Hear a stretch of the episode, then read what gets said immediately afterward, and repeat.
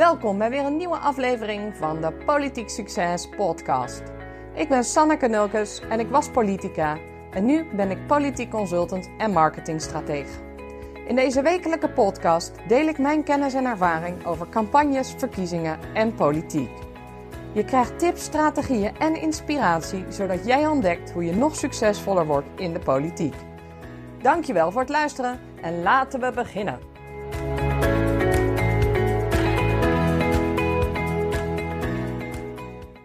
In deze nieuwe aflevering van de Politiek Succes podcast ga ik het met je hebben over crisiscommunicatie.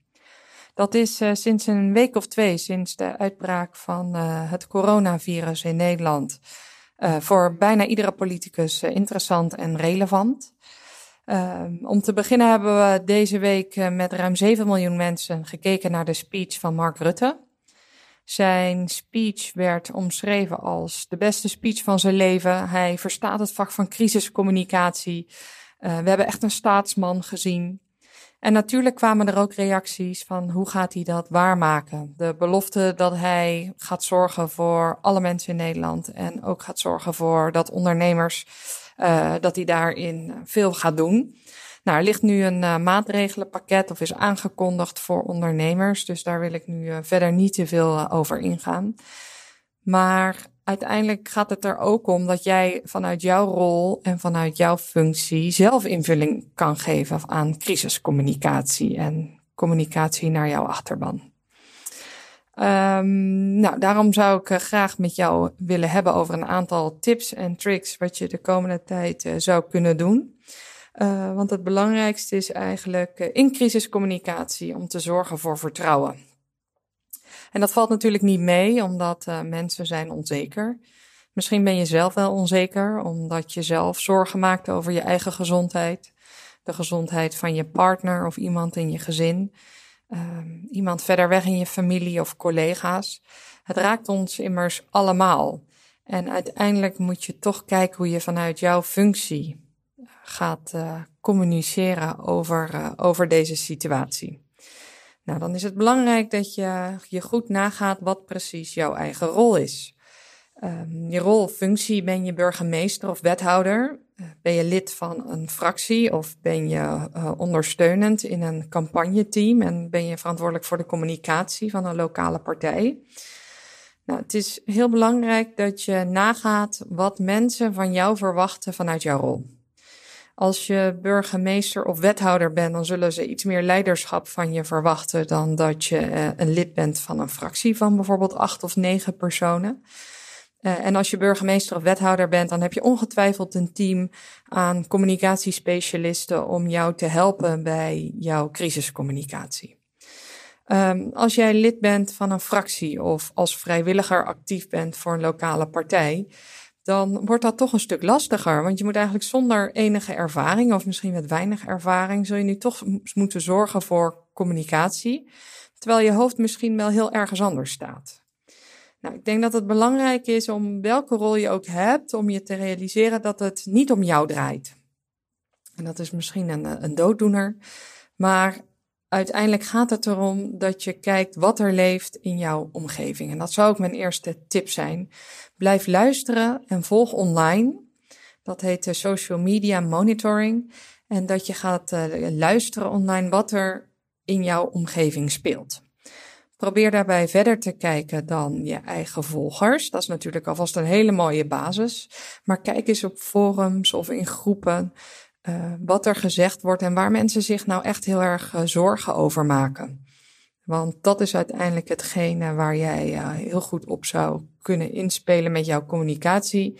En in ieder geval dat je zorgt dat je niet de plank mislaat bij hetgene wat jij graag wilt brengen. Nou, het is ook belangrijk dat je blijft communiceren.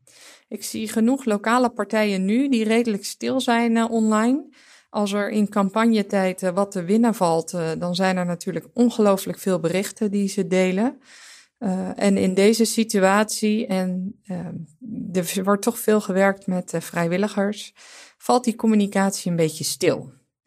Nou, daar denk ik dat het wel belangrijk is dat je, al heb je niet heel veel capaciteit, dat je in ieder geval wel informatie blijft delen. Je kunt bijvoorbeeld uh, feiten delen, feiten van het RIVM of van de landelijke overheid. Misschien wel vanuit je gemeente een bericht wat er voor je eigen gemeente of omgeving belangrijk is. En zorg dat je daarbij jouw achterban blijft informeren over de boodschap.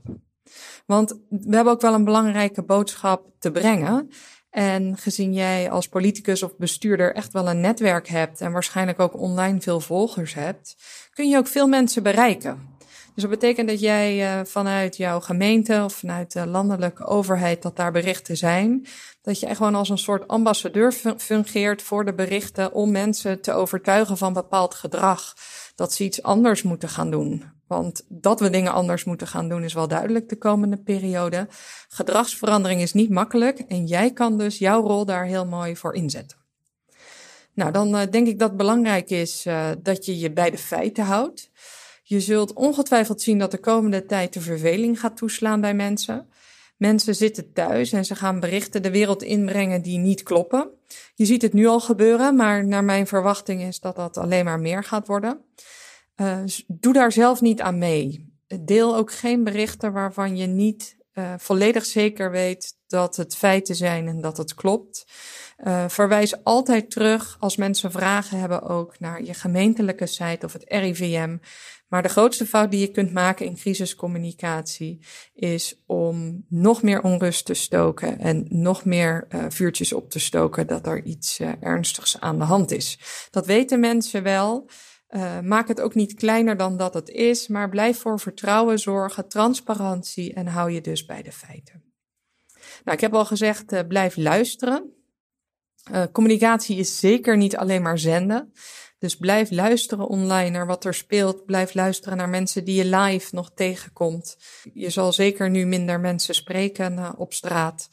Maar je weet, je weet al snel wel ergens een kern uit te halen wat mensen op dit moment bezighoudt. Um, als je blijft communiceren, ik had het net al over die feiten, maar trap niet in de valkuil om te gaan communiceren als organisatie of als politieke partij. Maar jij bent een persoon en de mensen aan wie je het richt zijn ook personen. Dus blijf communiceren van mens tot mens. Um, we hebben het uh, gezien dat uh, ondernemers zich nu, en misschien ben je er zelf ook wel een, dat ondernemers zich nu enorm zorgen maken en terecht over hun inkomen. Um, en dat de landelijke overheid daar maatregelen voor gaat uh, treffen.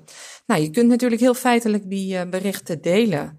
Maar er is natuurlijk ook niets op tegen om daar een empathisch bericht, dat je begrijpt dat mensen daar gewoon enorm mee zitten en dat dat op dit moment een van hun grootste zorgen is. Uh, en dat betekent dat jij nog niet eens heel erg je politieke statement hoeft te maken, want daar gaat het op dat moment niet over. Het gaat erover dat je verbonden blijft met de personen die, eh, die jou volgen en met wie jij eh, in contact bent. Nou, als we straks deze eerste heftige weken hebben gehad, hè, we zitten nu met z'n allen een aantal dagen thuis, dan betekent dat dat je uh, toch ziet dat dingen wat gaan veranderen. Uh, volgende week uh, komen er misschien wel meer ziektegevallen. Mensen zijn langer binnen, de situatie verandert. Dus je hebt nu de tijd om ook goed na te denken wat jouw strategie daarin wordt. Wat voor soort uh, boodschappen zou je willen zenden? wat zou jij willen uitstralen? Wat is er vanuit jouw rol of functie belangrijk? En uh, dat geeft je even meer ruimte dan dat je op ieder moment zelf uh, daar, uh, daar actueel op moet inspelen. Maar hou die ruimte natuurlijk wel. Er gebeurt veel. Um, landelijk gebeurt er veel, dus daar kun je ongetwijfeld op, op inspelen. Um, maar kijk ook vooral welke richting jij kiest, wat jij belangrijk vindt om te blijven delen. Is dat heel erg de richting van gezondheidszorg? Wil je benadrukken dat je het zo fijn vindt dat mensen nu heel erg verbonden zijn en heel veel dingen voor elkaar doen. Wil je je richten op de ondernemers? Dat je zo blij bent dat daar nu een, eh, een pakket voor wordt samengesteld? Of vind je juist dat dat pakket niet voldoende is? Dat zijn allemaal politieke keuzes die worden gemaakt en waar jij iets van zou kunnen vinden en, uh, en kan delen. Hou dat wel empathisch, want we hebben elkaar natuurlijk nu wel allemaal nodig om deze periode met elkaar goed uh, door te komen. Nou, blijf de landelijke crisiscommunicatie volgen. je hoeft niet alles opnieuw uit te vinden. als je niet veel tijd hebt of niet veel ervaring hiermee, dan zorg je gewoon dat je kijkt wat er al is. Zoals ik al zei, hou je bij de feiten, hou het empathisch en blijf communiceren met jouw achterban. Want het is ontzettend belangrijk dat we elkaar blijven supporten, maar dat jij ook zichtbaar blijft in tijden dat het lastig is. Want al kunnen we ons dat nu niet goed voorstellen, de coronacrisis die gaat een keer voorbij.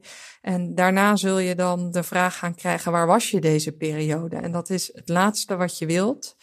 Je wilt er zijn voor je mensen. Daarom ben je de politiek ingegaan. Daarom ben je bestuurder geworden. Dus laat zien op jouw manier dat je er bent voor de mensen. Hou het bij de feiten en uh, zorg dat je daar een empathische berichten aan toevoegt. En uh, zodoende blijven we toch verbonden, al moeten we op afstand blijven met elkaar. Ik wens je heel veel sterkte, zowel uh, met je gezondheid, met gezondheid van anderen en uh, ja, het veranderen van alles wat er eigenlijk uh, gaande is nu. Uh, veel thuis zijn, veel online dingen doen in plaats van anderszins. Maar het geeft je ook de tijd en ruimte om goed te kijken en te reflecteren op wat jij wilt doen en wie jij wilt zijn als politicus. Hoe je verbinding wilt houden met je kiezer. En daar wens ik je heel veel sterkte bij.